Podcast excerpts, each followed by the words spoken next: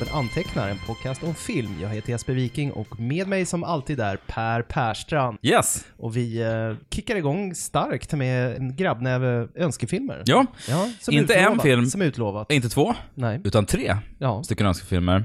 Men du, innan vi gör det, Ja, det har ju trillat in lite patrons. åh vad härligt. Och de måste vi tacka, Mm. givetvis. Och då vill jag gå ut hårt här och säga tack så jättemycket till Robin Öhlin, Jonas Desai, Robert Krantz, Andreas Hurve, Johan En och Kalle Stenberg. Stort tack ska ni ha. Ja, tusen tack. Tack, Vi är tack. superglada. Alltid väldigt glada att eh, få stöd av eh, lyssnare. Mm. Idag ska vi alltså prata om Trenne önskefilmer. Mm. When you wish upon a star, makes no difference who you are. Anything desires will come to you. If your heart is in your dream. Och vi tänkte börja med en liten film från 1986. Mm. Det passar ju oss ganska Ja. bra. Rätt decennium för oss. Ja, av Neil Jordan. Just det. Och det är Mona Lisa. Mm. Och den är önskad av eh, Stefan Larsson, Mm. en 10 dollar patron. Mm. Eh, Tack Stefan, kul. Jättekul. Eh, Neil Jordan, han har ju haft en så här udda karriär. Mm. Alltså, han gjorde ju The Company of Wolves, Mm. den här varulvsfilmen. Precis. Som jag vet att du lyfte fram, i, vi gjorde en podd om sagofilmer, kommer jag ihåg. Ja, Avsnitt 26 eller något sånt tror jag. precis. Jag såg ju den när jag var liten. Den var ju ganska, den är ju också väldigt konstig och artig och, men den var väldigt formativ för mig. Ja, Eh, och jag minns att jag läste i Scandinavian Film och Video om de här coola effekterna. Jaha. Bland annat är det ju en varulv som, eh, istället för en klassisk, att det är, de har en liten ny twist på transformationen, att varulven kommer liksom ur munnen på en person. ja, just det. Så ömsa skinn. Ja, precis. Snarare än Det finns en sån här eh, känd stillbild, en scen när liksom trynet, nosen på varulven kommer ut ur munnen på en tjej eller kille. väldigt groteskt och eh, Ja. effektfullt. Så. Den filmen är väldigt så här, ja det är verkligen en saga, det är inspelad i, helt i studio tror jag, Ja. för att få den här sagostämningen. Han gjorde ju den, han slog igenom med den här Angel, båda de är ju med Steven Ray som har varit hans uh, leading man i Hans många av filmerna. musa. Ja men precis. Mm, som man såg senare igen då i uh, Interview with the Vampire. Ja men precis. Också. Men han följde väl upp med Mona Lisa har jag för mig va? Mm. Efter Company Wolves och blev inbjuden till Hollywood. Jo,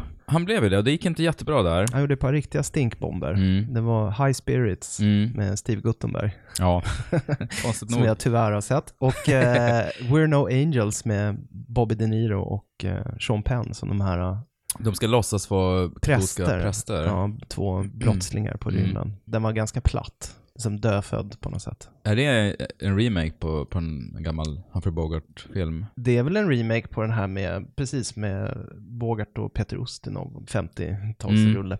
Nej, det men var inga höjdare. Nej, så, då återvände ju till England Mm. lyckligtvis och, och eh, gjorde sin största hit. The Eh, Crying Game. Ja, men precis. Mm. Och då blev han överöst med Oscar-noms. Ja, fick bland nominerad Ja. för bästa regi och vann en Oscar för sitt manus till den. Men eh, Mona Lisa är ju också en speciell film för den väckte ju liv lite grann i den brittiska filmindustrin igen. Mm. Det är en handmade films rulle, Mm. George Harrisons Mm.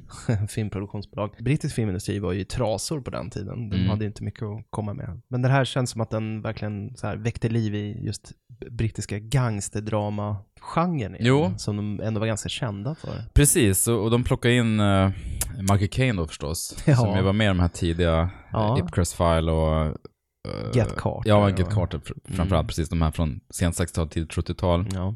Jo, men Mona Lisa känns, den känns väldigt eh, vital, väldigt levande, väldigt energisk. Den är också en del av en liten subgenre som heter medelålders män vadar i porrträsket och räddar en flicka. Just det. Jag tänkte omedelbart på den här, uh, ja det är visst Taxi Driver såklart, men också um, Hardcore. Hardcore av Paul Schrader. Just det. Mm.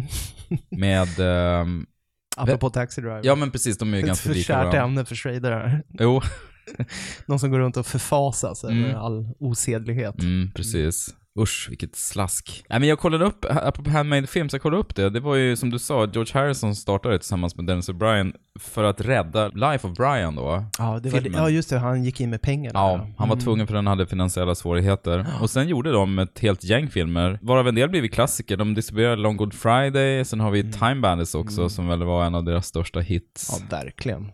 Eh, Superstor internationell hit. ja, eh, Shanghai Surprise. ja. Det var kanske ingen stor hit. Men även eh, The Burning, den här gamla ja, slashern. ja, exakt. Det Det är en kultrulle. Och uh, Maj Zetterlings uh, fängelsedrama Scrubbers. Just det. Plus också Whitney and I som ju också, precis som Time Bandits, fått uh, kultstatus. Ja, väldigt disparat. Mm. Alltså det är så här uh, Golan Globus Ja, lite varning. Så här, kasta pengar på vad som helst som, som de affärsstrategiskt tänker så här. Jo, nej, men jag läste listan på alla Det här kan bli och- Oscar buzz, så vi investerar i det. Även om, även om ingen går att se den så får vi i alla fall press. Mm. Mm. För jag tänkte så här, ja men det var ju en, det var roligt en sidogrej som George Harrison hade, men han var producent för 23 filmer under den här perioden. Ja. Sen konkade de eh, början på 90-talet efter det hade gått. De har gjort ganska många fiaskon på Ja. raken. Ja, det var synd. Men Handmade Films köptes upp av ett kanadensiskt bolag och finns fortfarande kvar och har producerat bland annat uh, Lockstock and Two Smoking Barrels och Hmm. Eh, 127 timmar. Den Just det. här, eh, Oavs Arme-filmen. Precis. Det var en side-note. Mm. Anybody ever teach you manners? Do you want to work for me? No. Now tell me I'm fired. All right, you're fired. Lovely. I'm fired and you're street walking. A woman It's lovely. and a man. Yeah. It's lovely. For something. She's so young. Things can happen out there. If you last a year and a half on that street, you're lucky. I was lucky. I got out. Looking for someone. I can't go down. But you could. You. What'd you do? Try! George! If Anderson finds you, would cut your face off. Try! Would you? You don't need anybody, do you? I do. I need you. George, eh, en hård, men i stort sett godhjärtad smågangster, har nyligen blivit släppt från fängelset. I behov av ett nytt jobb blir han av sin boss satt som chaufför åt Simone, en dyr callgirl. Till en början ogillar de varandra, men efterhand uppstår ömsesidiga känslor och George börjar även skydda Simone allt mer. Nej, men jag har, bortsett från vad jag anser om filmen, så Bob Hoskins var otroligt stark rollinsats i den här. Både han och Kathy Tyson, Mm. Ja, båda säga, väldigt bra. som spelar den här um, call girl-rollen. Mm. Och henne såg man ju alldeles för lite av. Hon Mm. kan inte ha gjort mycket mer Nej. efter det här. Jag kommer ihåg att hon var med i den här uh, Priest, hette den va? Antonia Bird Ja, den ja. Men sen kommer jag fan inte på något annat jag sett henne i. Nej. Det var ju sorgligt. Filmmässigt tror jag verkligen att hon i princip försvann. Ja, Jag tror det också. Och det här var ju hennes debutroll. Ja.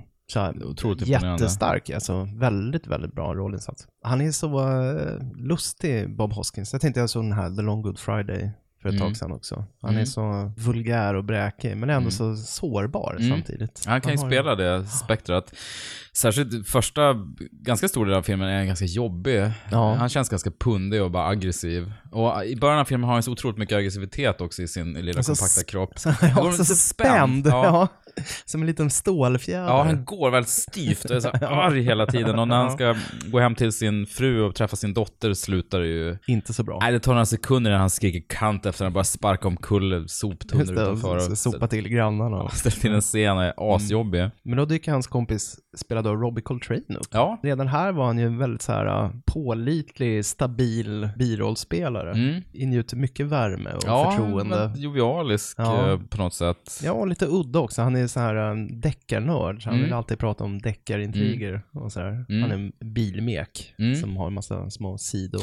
Ja, jag satt och funderade på vad, vad jobbar han egentligen med? För han är ju som konstnär också. Ja. Allmän Håller samla på med skrot och Plastspagetti och massa konstiga grejer. så innovatör, entreprenör. Nej, det är kul för att hela filmen, eh, han återkommer ju då och då. Och varje gång eh, George då, Bob Hoskins dyker upp så snackar de om senaste deckaren. Och, Ja, det är Han- väldigt så här naiv, rörande Mm. dialog de har Mm. tillsammans. Det är som att det är som, ja, men små oskyldiga avbrott från den här solkiga Mm. vardagen han befinner sig Jo, i. men det är så fin, en fin påminnelse om att de, det finns en verklighet utanför små jobben och gangsterlivet också. Ja, det som händer då är ju att, ehm, ja, han blir ju väldigt uh, fäst vid den här uh, damen. Och hon i sin tur ömmar väldigt mycket för en ung flicka Ja, precis.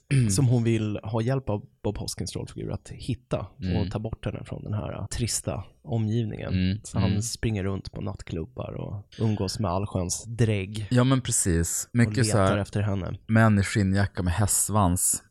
Ja, som står och spolar av rum med högtrycksspruta. och Och så. mycket deppiga runkbås och så här Ja. tittskåp. Nej men samtidigt har han ju fått order av sin boss då, som spelas Michael Caine, att uh, Katty Tyson träffar, eller Simondo träffar ju den här The Arab, Ja, en rik affärsmän som han ska spinka lite på för att se vad som händer egentligen. Ja, någon sorts högstatuskund som Mm. man kan utpressa eller Ja, antagligen är det på väl något det. sätt. Och Michael Caine gör ju här faktiskt en av sina absolut bästa roller tycker jag. Han Mm. är så otroligt vidrig som Mm. den här uh, strippnattklubbsägaren. Mm. För att han är så nedtonad. Mm. 100% så här reptilartad och lömsk och nedtonad. Mm. Väldigt obehaglig är han här. Mm. Jag tror inte jag har sett honom så här uh, läbbig sen Dress to kill. Alltså De Nej. Palma-filmer egentligen. Han också är väldigt så här kylig och Ja, han är inte med så mycket. Men lilla han är med så gör han ett väldigt starkt intryck ändå. mycket. Det finns alltid liksom ett hot om våld i, i bakgrunden. Ja, Och det är också den här, det finns ju den här längdskillnaden också. Han är ju mer än 20 cm längre än Han lille Bob Hoskins. över Bob.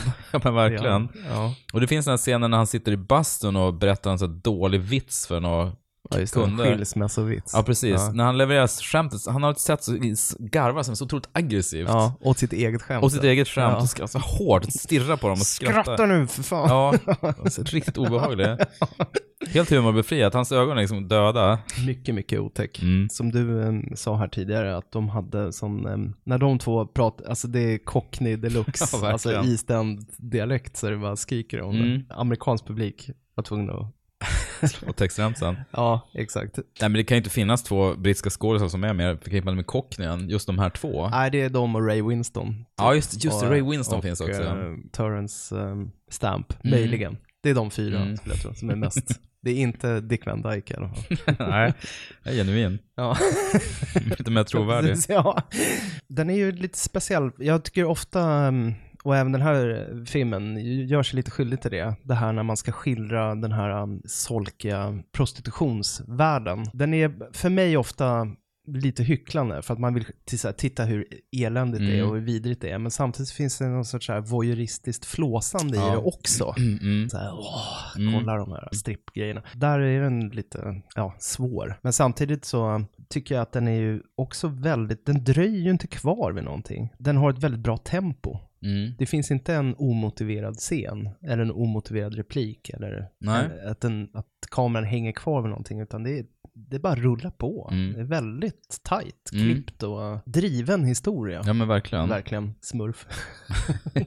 så eh, Jo men precis, det är ju en klassisk noir-berättelse om två människor som sitter i skiten, Mm. som vill, eh, ja men dels en, Bob Hoskins är ju i viss mån förtappad, men han vill liksom göra det goda och rädda den här yngre tjejen, och Ja. även Simone. Men Ja. sen också två personer som är fast i ett maskineri som de drömmer om att lämna på något sätt. Ja. Det brukar vara, det är svårt att få det att sluta bra utan ond, bråd död. Man uppmuntras ju framåt slutet och sympatiserar med honom snarare än de här två superförnedrade sexslavarna. Mm. Det är, Jo, det är en konstig approach Ja, faktiskt. Men eh, Bob Hoskins rollprestation är jätte, jättebra. Men rollfiguren är lite märklig. För han är ju ändå en härdad gangster Mm. som har suttit på kåken också. Så kommer han ut och helt plötsligt så här jätteförfärad över porrindustrin. Mm. Det känns föga trovärdigt, Mm. tycker jag. Han måste vara Nej, men det är som att under de här sju åren då han satt i finkan så har samhället blivit mycket hårdare. Ja, hårdare och mer Mm. depraverat. Ja. Och när han hamnade i finkan då, var, stod man och, då slog man honom i huvudet med en sån här blydank och snodde pengarna. Och sen sju år senare är det knark och droger, prostitution. Så här. Det fanns inte innan. Nej, precis. Det är inte alls världens äldsta yrke.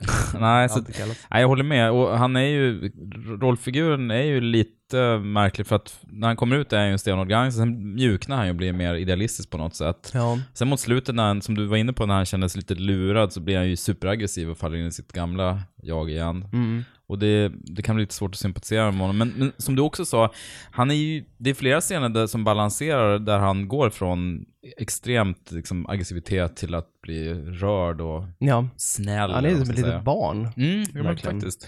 Jag antar att filmens perspektiv är väl att han betraktar ju sin, eh, ja den här kvinnan som han ska eskortera runt som ett objekt. Alltså hon är ett luder. Mm. Eh, Men sen i takt med att han lär känna henne så börjar han se på henne som en människa Mm, och precis. alla i hennes situation. Mm. Och ja, det är väl bra. Det är just det att han blir ju egentligen förälskad i henne. Mm. Eh, och utan att avslöja allt för mycket känner sig ganska sviken Mm. på slutet. Mm. Men han får i alla fall till en bra relation med sin dotter, Ja, vilket eh, känns bra. jo men de, han får ju Apropå träffa Midnight henne. Run som vi såg för ett Just det. antal episoder sedan. Mm, Liknande relation. det är ganska fina scener tillsammans med dottern. Mm, det tycker jag. Han får ju träffa henne i smyg eftersom eh, mamman inte vill veta av honom. Så plockar han upp henne i sin pimpmobil och så kör de runt lite grann och snackar. Ja, just det. Ganska fint. Ja.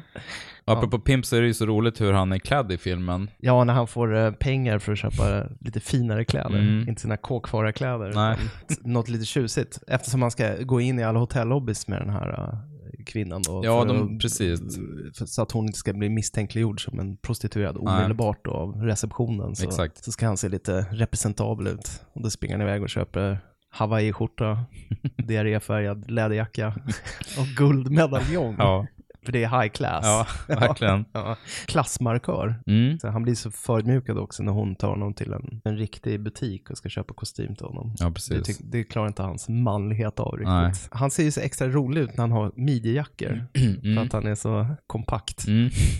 Och gärna med kragen upp också. Mm. Så att hans redan ganska obefintliga nacke försvinner helt. ja, han är bedårande, Ja. Bob Hoskins. Men det var väl lite det också som väckte liv i filmindustrin i England också. Att man helt plötsligt fick upp ögonen för att kolla vilka skådisar vi har Mm. i det här landet. Mm. Som inte får jobba särskilt mycket. Det kan man ju tacka den här filmen för. Ja, men verkligen. Onekligen. Så nej, Mona Lisa absolut värd att se om ett, eh, en, en solid brittisk gangsterfilm med en eh, mänsklig vinkling. Mm. Och inte minst eh, oerhört starkt rollporträtt av Bob Hoskins och Mm. Kathy Tyson måste lyftas fram. Ja, nej men man förstår verkligen varför både de två och eh, även Neil Jordan fick... eh, ja, nu fick ju inte Kathy Tyson det kanske. Nej, Större roller och större uppdrag. vad är han mest känd för? Är det Roger Rabbit? Är det det han, är det, hans det känns ju hemskt att säga det, men Ja. tro, troligen är det ju det. Ja, men han var ju kalas i den också. Jo, men, jättebra. Men han har gjort så mycket mer. Mm. än det. Om ni inte är så superinsedda på Bobban, så kolla upp lite mer Bob Hoskins-filmer. Mm. Men skippa Hook, för den är inte så här jätte... Nej, den kan man undvika. Yes, och, eller Super Mario Brothers. Just det.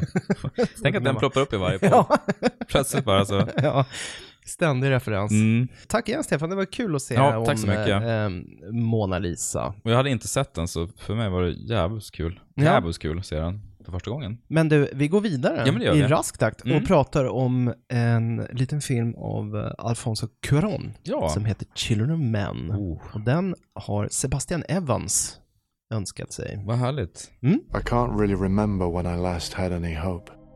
And I certainly can't remember when anyone else did either. Because really, since women stopped being able to have babies, what's left to hope for? The world was stunned today by the death of Diego Ricardo, the youngest person on the planet. The youngest person on Earth was 18 years, 4 months, 20 days, 16 hours, and 8 minutes old. The ultimate mystery why are women infertile? Some say it's genetic experiments, pollution. Why do you think we can't make babies anymore? Doesn't matter. It's all over in 50 years. It's too late. Året är 2027. Jordens invånare kan inte längre föröka sig. Världens yngste medborgare har precis avlidit, 18 år gammal.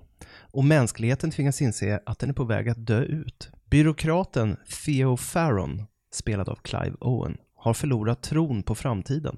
Men när hans tidigare fru, spelad av Julianne Moore, plötsligt dyker upp tillsammans med mänsklighetens sista hopp, en gravid kvinna, spelad av Claire Hope Ashity, bestämmer han sig för att hjälpa henne. Men även andra är intresserade av att få tag i kvinnan och Theo flyr med kvinnan för att föra henne och hennes barn i säkerhet. Mm. som sagt, regisserad av Alfonso Cuarón. Han har haft också en väldigt så här, säregen filmografi. Från, eh, ja vad är det? Harry Potter. Mm. Han gjorde en av de bästa Harry Potter-rullarna. Ja, ja. Det får du bedöma. Och sen eh, gjorde han eh, Gravity. Mm. Och Hemma i Mexiko gjorde han den här YouTube Mamma Tambien. ja, just det, det var väl hans genombrott såklart. Mm, precis. Prisoner of Azkaban som sagt. Mm. Eh, ja, Gravity och eh, en liten film som heter Roma. Ja, som också. jag lyfte fram i bokslutet över Mm. 2018. Sen 2001 har han ju alltså bara gjort fem filmer då, så han, tyvärr så får man ju vänta länge mellan... Han är som Terrence Malick. Han är ju det. Mm.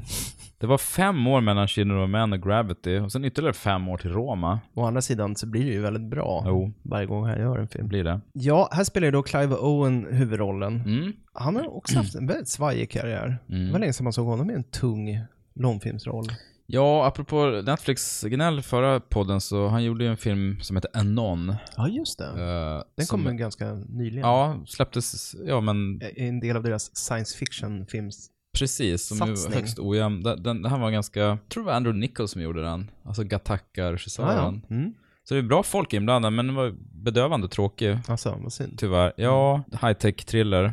Men en twist på slutet som inte var så härlig. Så Clive Owen är alltid fantastisk dock. Han är också väldigt bra på att gestalta den här um, stoiska sorgen. Mm. Synd att han inte blev James Bond. Han hade varit en perfekt Ja, James Bond faktiskt. Helt perfekt. Så han har den här bistra, ja men cyniska Mm. utstrålningen Mm. som James Bond ska ha. Det finns ju beröringspunkter nästan med Bob Hoskins, att han är den här ja, men ganska cyniska figuren som ändå har någonstans ett hjärta av guld. Långt där inne. Mm. Fast äh, det var egentligen dålig jämförelse. Bob Hoskins säger ju flera tiden att han är simple liksom. Jaha. Själv ironisk, men han är ju det också. Han är ju han är lite enfaldig på något sätt. På Ja. något sätt. Medan Clive Owen är ju mer, ja men han har ju ändå gjort något val att inte engagera sig utan bara släppa på sina ungdomliga övertygelser och bara gå- ingå i systemet. Ja, det som synopsis inte beskriver är ju att han och Julia Moores rollfigurer, de hade ju ett barn som gick bort. Just det. Och det är därför han är så um, uppgiven. Och, Mm. och Julia Moores rollfigur är ju en sorts militant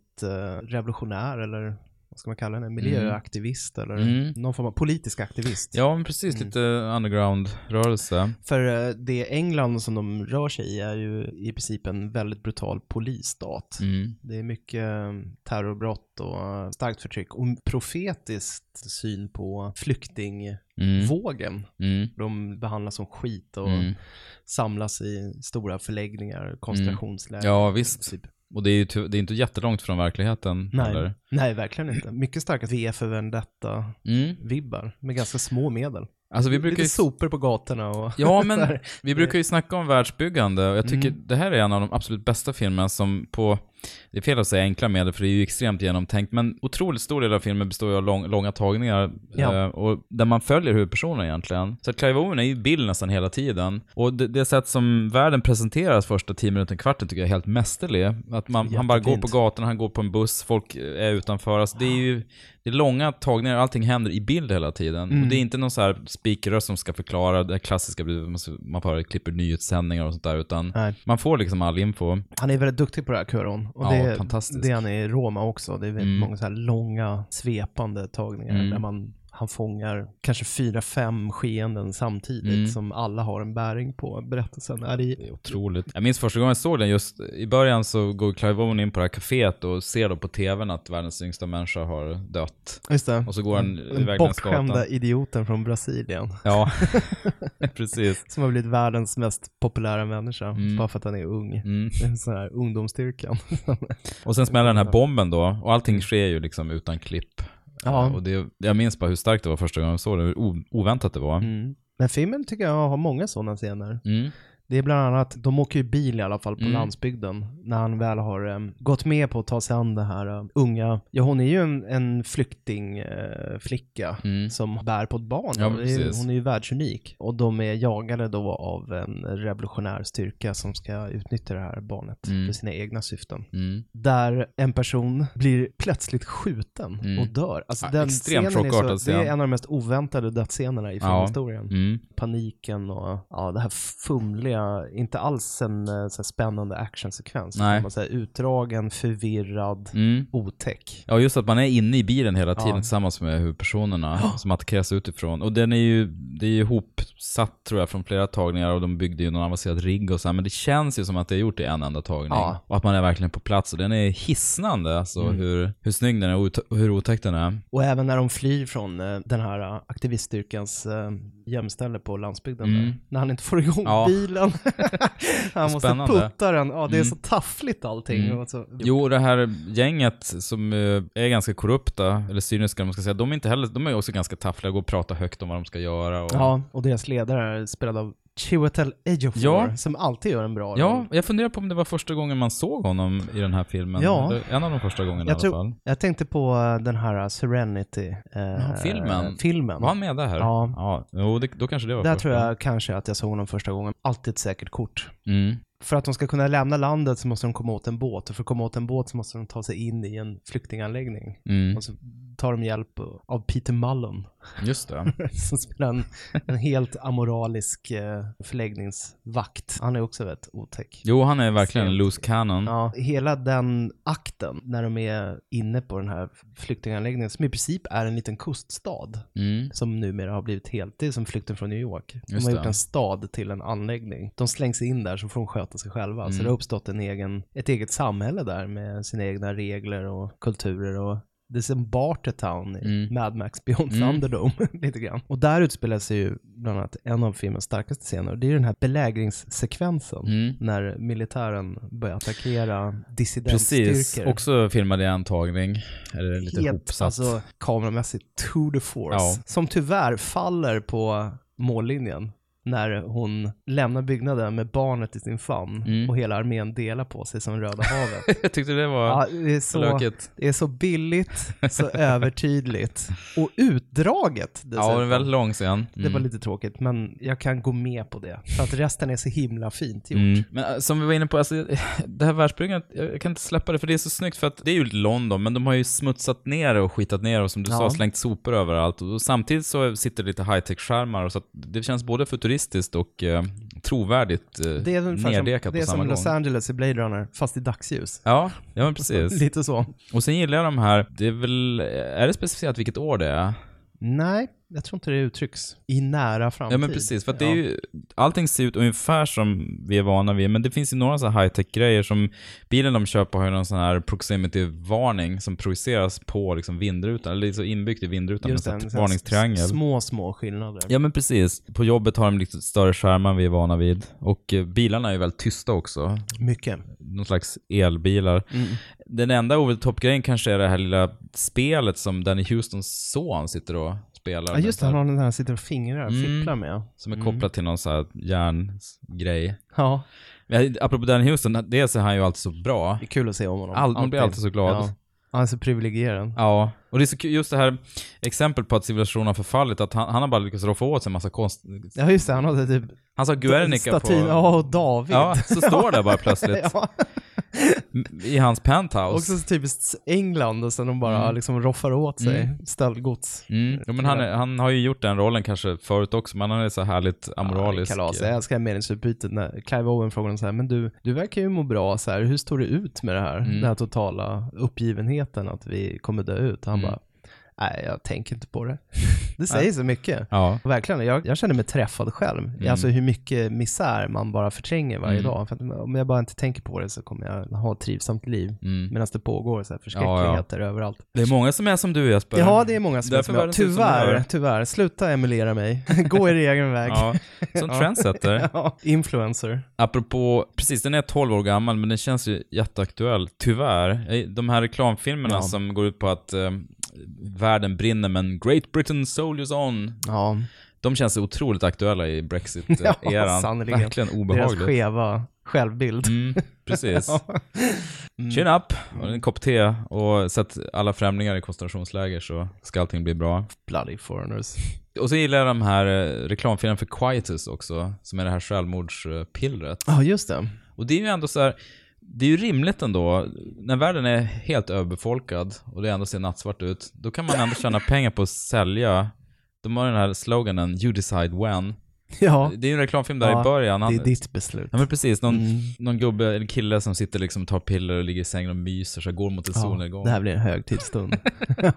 Åh, det är så isande. ja, jag vet, det är väldigt Verkligen obehagligt. Och apropå det, och apropå Michael Caine Ja. som vi pratade om väldigt nyligen. Jasper. Han, är, han dyker upp där som en, Ja. eh, en gammal vän till Clive Owen och Julia Moore. Mm. En, eh, vad ska man säga, en gammal radikal, en hippie Mm. som bor i ett fantastiskt hus Ja, ute i fantastiskt skogen. hus. Han är ju för mig pensionärsidealet, Mm. hans rollfigur. Mm. Så som han lever Mm. är underbart. Jag menar, givetvis önskar jag inte att Åsa ska bli katatonisk det. på vår åldershöst. Ja. Men just hur de bor och hur de lever, Ja. det är så härligt. Jag önskar att jag var han. Ja, hänger där ute, de har en Mm. liten hund och de odlar lite weed och Mm. spelar gabba-techno hur högt de vill. Mm. Att, eh, det är ingen som hör. Ja, det är fint. Nej just det, han har en låt där med, jag vet inte, är det Square Pusher eller FX Twin som jag han kommer drar inte på? ihåg vilken det är, men det är så extremt bullrande. Mm. Mm. Så sitter där och lyssnar på skivor och sloshar vin. Smarrigt. Michael Caine gör ju sådana här roller väldigt bra också. Jovialisk, men samtidigt en person som har sett mycket, Mm. upplevt mycket. Man får verkligen värmen på köpet om man Mm. kostar Michael Caine i den här Ja, rollen. faktiskt. Otroligt bra. Kör Mm. sin pull my finger-rutin också. Ja. ja, Sebastian, tack. Eh, Ja. Det var jätteroligt att se om Children of Men. Om, om, Eh, om ni som lyssnar mot förmodan inte har sett filmen så, så gör det och den tål att ses om en gång om året. Eller ännu oftare. Jag kommer nog se den snart igen, Mm. inom en kortare tidsperiod än 12 år. Mm, det tycker jag. Ja, Lång väntan. ja det var ganska lång väntan, så det, det ska göras. Tack igen. Ja, tack. Det var underbart att se om den. Men du, vi har ju en tredje film också. Ja, det ska vi prata om. Nu är det de tunga kanonerna Mm. här. För att nu är det nämligen en liten film av Michael Cimino som heter The Deer Hunter. Ja, något att bita i. Och den har Pia Samuel Karman önskat sig. Mm. Och den har jag inte heller sett på jättelänge. Nej, inte jag heller. Det var många år sedan jag såg den. Så det var roligt. Robert De Niro is the deer hunter. It's about being a hunter. It's about being a friend. I said no. It's about being a leader. From now on, you're on your own. It's about being a soldier. Well, what's it like over there? It's about being a hero. One shot. One shot is what it's all about. Deer has to be taken with one shot. I try to tell people that. They don't listen. About being a man. Robert De Niro, the deer hunter. Ja, Deer Hunter då, enligt svenska Wikipedia. Några kompisar arbetar inom en stålindustri i USA. Filmen handlar om kompisarnas liv före, under och efter deras tjänstgöring i Vietnamkriget. Michael, Mike Vronsky, spelad av Robert De Niro, är kompisgängets ledarfigur. Deras liv och hela det lilla samhället förändras av upplevelserna i Vietnam. Under Vietnamvistelsen tas de till fånga av Viet Cong och tvingas spela rysk roulette i fånglägret. Ja, Ja. den hade man kunnat formulera om lite grann. Det här var ju Michael Cimino. Vad har vi på Michael? Han, det klassiska exemplet på en regissör som det går väldigt bra för och som sen får total hybris och kapsejsar. Michael Cimino föll offer för uh, autördyrkan på 70-talet. Han fick storhetsvansinne helt enkelt och blev Mm. fick alldeles för lite emotsagd. Han började ju som, han var väl reklamfilmare från början va? Och sen Mm. gjorde han lite manus till, eh, så förringande. Han gjorde lite manus. Jag pysslar lite med manus. Ja, men han skrev väl typ uh, någon Dirty Harry-film, Mm. Magnum Force var det va? Precis. Regisserade den här Thunderbolt on Lightfoot. Just det, som är en av mina favorit Clint Eastwood-filmer. Mm. Jeff Bridges gör en oerhört rörande insats. Mm. Han är väl mest känd egentligen för Heaven's Gate, det här superfiaskot Mm. som kostade så mycket och eh, tog in så lite. Det var han som var spiken i kistan. Så det var Spielbergs fel att det bara blev popcornfilmer Ja, med Hajen. med Michael Cimino som såg till att de inte fick eh, last cut.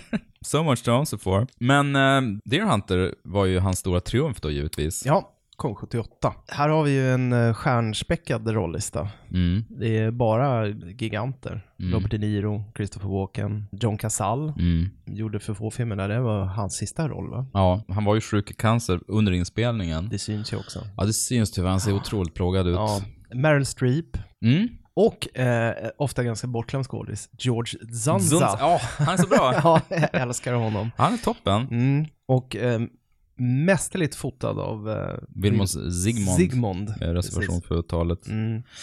En snabb, jag vet inte om vi har snackat så mycket om John Cazale, men ett sidospår. Han hade ju en väldigt kort karriär, dog alldeles för ung, och han var ju tillsammans med Meryl Streep också när han dog eh, i cancer. Hans filmografi, ja men han var ju alltså med i fem filmer under sin väldigt korta karriär. Ja. Gudfadern 1 och 2, eh, The Conversation, båda med Coppola då Mm, förstås. Ja. Och sen En satans eftermiddag, Cindy Lumet, och Just så det. Deer Hunter, sista filmen. Så han, han Och, och ändå gjorde sånt avtryck. ja, verkligen. Han gjorde bara fem filmer alltså, och han är ju fantastisk i alla de här Ja, filmerna. det är det. Och framförallt som Fredo. Ja, I know it was you Fredo. You tungt. broke my heart. Mm. You broke my heart. They pull me back in! ja, det var en annan film. ja, den är, ja, han är så smarrig. Mm. Väldigt plågsamt att se honom i Ja, The Deer Hunter sorgligt. Han, han är så askgrå också. Mm. Kallsvettig Ja, hela tiden. jättesliten. Det gick inte att dölja att han Nej. mådde dåligt. Väldigt tydlig aktuppdelad film det här. Jo. Den här första akten som utspelar sig i deras uh, hemstad, arbetsmiljö, Mm. som stålarbetare. Mm. Och filmen inleder väl med att skildra deras arbetsvardag Mm. som är som ett inferno. Alltså Mm. en helvetesskildring verkligen. Mm. De står där bland flammorna och hettan och skiten och Och under förtexterna, jag har inte klockat det här, men under förtexterna så är det ju bara bilder på, så, på stålverksarbetare. Ja. Inte skådisar utan bara folk som håller på. Ja. Säkert 5-6 minuter. Det Ja. här är, ja, men det ska sjunka in. Ja. Det här är deras vardag. Jo, Det är på grund av det här som de måste upp i bergen och, Mm. och springa bara runt i. stå ut. Ja, exakt. Väldigt eh, slagkraftigt. Och eh, Sigmund är ju väldigt förtjust i skorstensrök och Ja. neonbarskyltar. Ja, det är mycket fabriksporr och skorstensporr i den här filmen. Ja, det är ju tacksamma miljöer att Mm. plåta. Precis från de här skitiga fabrikerna upp till bergen. Det Ja. är hisnande vackert. Sen måste jag bara nämna hur snygga kläder de har. Ja, De har ju ofta så här med tre lager, att de t-shirt och sen skjorta och sen skjorta på det. Mm. jag och så jacka på det. det är arbetarklassmodet. De, en del, de har liksom så här vit, någon så vit långärmad eh, underställ Mm. och sen svart polo på det och så, så här, eh, Christopher Walken har ju så vit långärmad svart polo på det och sen så här rutig skogshuggarjacka Japp. ovanpå det. Ja. Det ser så jävla bra jag ut. vet, det gör ju det. Och De Niro har ju sina, dels sin jägartoppluva och sen sina kepsar också som ser så jävla rätt ut. Det är också en väldigt skarp skildring av eh, män i grupp. Mm, Och hur, manlig gemenskap. Som manlig gemenskap och den här väldigt destruktiva manligheten Mm. eh, i hur de uppför sig mot eh, alla i sin omgivning och sinsemellan också. Mm. Det är bitvis tragiskt. Jag tänker på en i gänget där, spelad av John Savage, ska ju gifta sig. Mm. Och de tar ut honom på någon sorts svennis, vilket egentligen bara handlar om att de ska dricka jättemycket öl Ja. och bröla. Men så landar de på den här ja, stammishaket, där, den här baren som George Zunza Mm. driver. Mm. Som är så, han verkar vara så här den snälla tjockisen Mm. som fick vara med. Men också så här, "Nej, men nu sätter vi oss ner, häller upp några öl. Ja, hela den scenen är så jobbig tycker jag. Mm. I hur de behandlar varandra, i sitt sätt att prata. Och Mm. De vill så himla gärna vara nära varandra, men de håller varandra på någon sorts machoavstånd Mm. hela tiden. Jo. Med så här bögskämt och... Ja, de har inte de är verktygen. så låsta i sina roller. Ja. Det är jättetragiskt. Och sen så kommer det här episka bröllopsscenen Mm. som pågår för evigt. Den är ju en film i sig egentligen. ja, Den är verkligen. så oerhört lång. Jag minns inte hur lång den är, men... Katedrals, eh, inte katedral, men storkyrkoscenen. Det är ju Mm. ett ryskt bröllop. De är ju ryskättlingar, eh, Mm. hela gänget här. Mm, utstuderat och Mm. vackert och sen den här äh, supermassiva festen Ja, den är så lång. Det är Visconti-vibbar Ja, den. den bara pågår och eftersom musiken Mm. ligger på oavbrutet hela tiden så man försätts nästan i en slags meditativ ställning. Ja, det är som man är där. Mm. Jag känner mig så trött och berusad. Mm. Mm. Och det, men det blir ju inte tråkigt, man är helt inne i det hela tiden. Ja, ja, verkligen. Det är så många inbördes relationer som etableras bara via blickar eller någon Mm. slängreplik. Så Mm. att, um, framgår ju väldigt tydligt till exempel att Christopher Walken och Meryl Streeps rollfigurer har ja, men någon sorts relation som har varit förutspådd redan sedan barndomen nästan. Mm. För de har känt varandra hela livet. Samtidigt så är De Niros rollfigur, han är ju intresserad av henne. Mm. Men han är ju också väldigt intresserad av Christopher Walken. Tycker jag är väldigt tydligt. Det är lite, för han går ju, han limmar ju på Meryl Streep där på bröllopsfesten. Mm. På ett väldigt tafatt sätt. Ja. Han ska vara så här tuff och beställa shots och Ja, hålla på. Han vet inte hur man pratar Nej. egentligen. Det är Det är jobbigt. bara en massa poserande. Mm. Och Meryl Streep är väldigt uppgiven. Hon har ju en, en farsa som spöar Ja, och han har ett ganska torftigt liv. Det känns väldigt utstakat. Mm. Som att eh, hon ska inte räkna med att komma någon vart. Nej. Så man kan ju i någon bemärkelse förstå att alla de här eh, på något sätt längtar efter att komma till Vietnam. Mm. Att det är något nytt, det är ett äventyr, någonting annorlunda än vad de upplever. Mm. Därför de så här desperat bedyrar sin kärlek till sin hemstad innan Mm. de drar. Mm. Men samtidigt så vill de ju därifrån.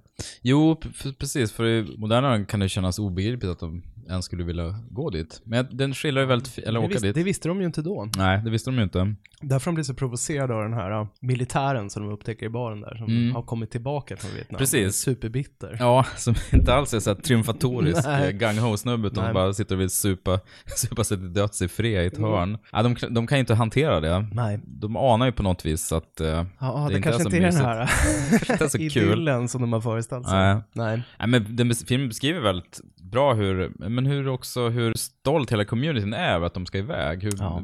liksom, vilken stark patriotisk handling det är. Mm, det är en big deal. Ja, det är ju det. Sen blir det ju väldigt abrupt Ja, hopp här till helt Vietnam. plötsligt är det väldigt abrupt eh, slakt Ja. i vietnamesiska byar. Mm. Och sen går det väldigt fort och jag måste erkänna att jag fattar faktiskt inte riktigt att de, alltså de hamnar ju i fångläger direkt nästan. Ja, De ser att det kommer Vietcongstyrkor och sen så plötsligt sitter de där. väldigt stark det här uh, mittenakten. Mm. Och framförallt kring det här när de tvingas att göra rysk roulette. Ja, det är helt för att, eh, fruktansvärt. de vietnamesiska soldaterna ska ha något att slå vad om. Mm. Jag minns det annorlunda än när jag såg det första gången, för då minns jag att det var så otäckt det här med rouletten. Mm. Men nu när jag såg om det så känner jag att det som är mycket mer provocerande, det är de här örfilarna Mm. som de får hela Mm. tiden. Oerhört Ja. provocerande. Så jag blev gråtfärdig när jag såg det. Jag Mm. blev så full av vrede. Mm. Jag kan förstå folk som tycker att det här är svartmålning av vietnameserna.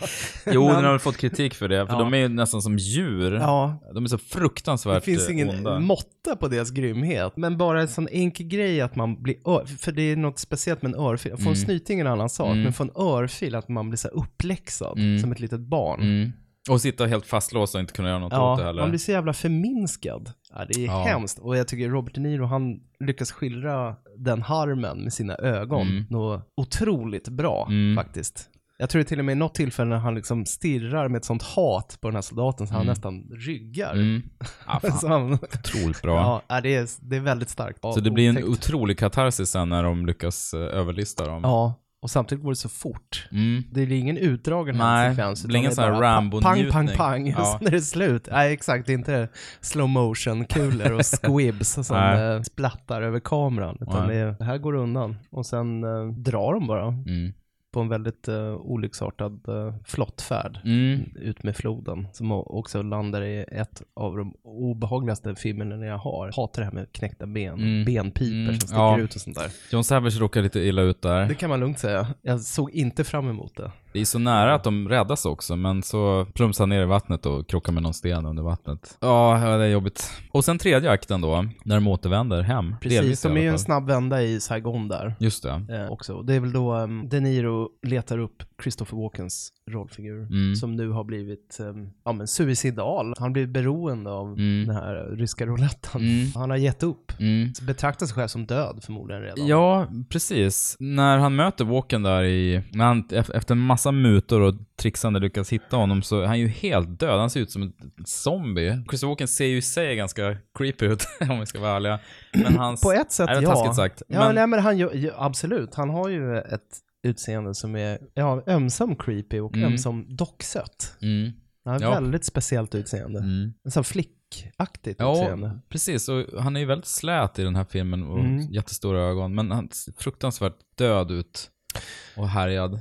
Och det, apropå det, måste man ju ändå säga att i det här celebra sällskapet så är det ju fantastiskt hur mycket han sticker ut hela tiden, Christopher Walken. Mm. För men han är ju ändå i samma liksom, scen med De Niro och, Mm. och John Casale och men ändå så dras ögonen till honom hela tiden. Han har Mm. en sån jävla energi. Mm. Så elektrisk Ja. karisma som man bara, det är som att det sprakar om honom. Mm. Han är verkligen under isen här i alla fall, i det kan man säga. Han har ja. en dålig dag. ja, det slutar inte väl. Nej, inte jättebra. Och sen så, ja, det är ju hjärtskärande när De Niro kommer tillbaks till stan också. Hyllas som, som en hjälte, men har otroligt svårt att ta emot det. Och hur han otroligt fumligt försöker närma sig Meryl Streep. Ganska ganska seg, eh, lite långdragen. Men jag tror det har just med det här kontemplativa, melankoliska draget över Mm. sista akten att göra. Man blir väldigt nedstämd av den. Mm. Det är en eh, svidande görelse med kriget Ja. och, eh, Mm. och klassamhället i USA. Ja, verkligen. Nej men det här blev ju, alltså det är ju total skådespelarfest och, och som du sa, även om Walken lyser så lyser De Niro också. Egentligen gör Mm. alla ensemble det. Måste nämna den här femte, sjätte snubben som ju inte var skådis eller? Eh, han med skägget. Som en- Ja, just det. Han var en, en snubbe som jobbade där, Ja. som tog in, eh, Ja, han är ju jättebra. ja, blev en del av... han som är så av tokfull hela tiden. ja, Trillar omkull och... precis. Chuck Aspegren heter Ja, han, som Peter Axelrod. Eh, han jobbade där på, på någon stålindustri som Chimino besökte. Ja, de tyckte han var Ja, en härlig typ. Precis, jag tror inte Mm. han gjorde någon mer film sen dess. Nej. Han är ju han är väldigt bra och Ja, trovärdig. jättebra. det är inga problem. Nej men den, den fick... Dum, eh, dumt fyllo. Ja, precis. Plockade hem fem Oscars film, regi. Walken fick en för bästa manliga biroll. Och eh, Ja, välförtjänt. Precis. Och Meryl fick sin första nominering. Mm. En av många. En av eh, väldigt många. 150 stycken. Jag läste förresten att hennes roll var jätteliten i manus, så hon fick själv eh, fläska på den ganska mycket. Mm. Och det gör hon. Hon är ju väldigt, hon gjorde ju avtryck. Ja, ju otroligt bra. minnesvärd. Återigen, en sån film som jag borde sett oftare Mm. än vad jag har gjort. Jag tror också faktiskt att jag em, har högre tolerans för såna här uh, mer kontemplativa filmer Mm. nu än vad jag kanske hade för 15-20 år Jo, sedan. jag tror det också. Jag tror att eh, det var lite som när jag såg Gudfadern första gången. Och så här, Åh, vad, vad är det för tråkigt? Sitter i den mörka rum och pratar, så bröllop så här. Ska det inte bli någon pang-pang? Ja, inget pang-pang. Man får ju vänta en och en halv timme minst på pang-panget i den här Ja. filmen. Och det är inte så här mysigt pang-pang, utan det är bara fruktansvärt ångestladdat. Brutalt och Superbrutalt. ångestladdat. Ja. Och som du säger, finalen där med, ja men det är så hjärtskärande när eh, De Niro söker upp John Savage på sjukhuset också. Mm. Och hur de Han är lite stympad. Mm, och, precis. Och John Savages fru som nästan så helt katatonisk ja. av sorg. När man har sett klart filmen som är drygt tre timmar så känns det som man har levt med de här i ett dygn nästan. Mm. Ja, verkligen. Men det är en härlig känsla. Eller, Ja. Om nu är härlig är rätt Ja, ord. ja, precis. Nej, men man har kommit under skinnet på dem. Mm, men det är en fruktansvärt, Givande. ja givande, fruktansvärt bra film. Tack eh, återigen, Pia. Nej men tack så mycket, det var otroligt fint att få se om den här. Jag ska nog få återbesöka lite andra Cimino-filmer. som Mm. Vad heter den här han gjorde med Mickey Rourke? Det här... Year of the Ho- Dragon, ho-? Nej, Home Invasion. Ja, den ja, eller? Desperate Hours. Ja, just det. Precis. Som väl också är en remake på en eh, Ja. gammal precis. Bogart-rulle. Mm. Den har jag för mig var, var rätt uh, tät. Spännande. Ja, vad härligt. Men du, Jesper, Önskefilmer. Om man lyssnar på det här och tänker jag vill också önska en film, hur Ja. gör man då? Ja, men då gör man så att då knappar man in ICA Podcast i sin webbläsare, Mm. som vi kallar det. Och då eh, kommer man till vår Patreon-sida. Och där kan man välja att bli en 10 dollar Patreon. Och Mm. då får man önska film. Och när vi har pratat om den så får man önska en till. Och en till, och en till, och en till. Och det är oerhört tacksamt för oss för att Ja. vi får se och ta del av filmer som inte nödvändigtvis är från 80-talet. så får ni höra vad, vad vi tyckte om den. Ja, det är jättekul. Ja. Ja, väldigt givande för oss och förhoppningsvis även för er. det hoppas vi. Så tack igen Tack ska ni ha. Stefan, Sebastian och Pia Mm. och eh, vi återkommer om inte allt för lång tid med fler önskefilmer. Det gör vi. Mm. Ha det så bra och vi hörs snart. Det gör vi. Ha det fint.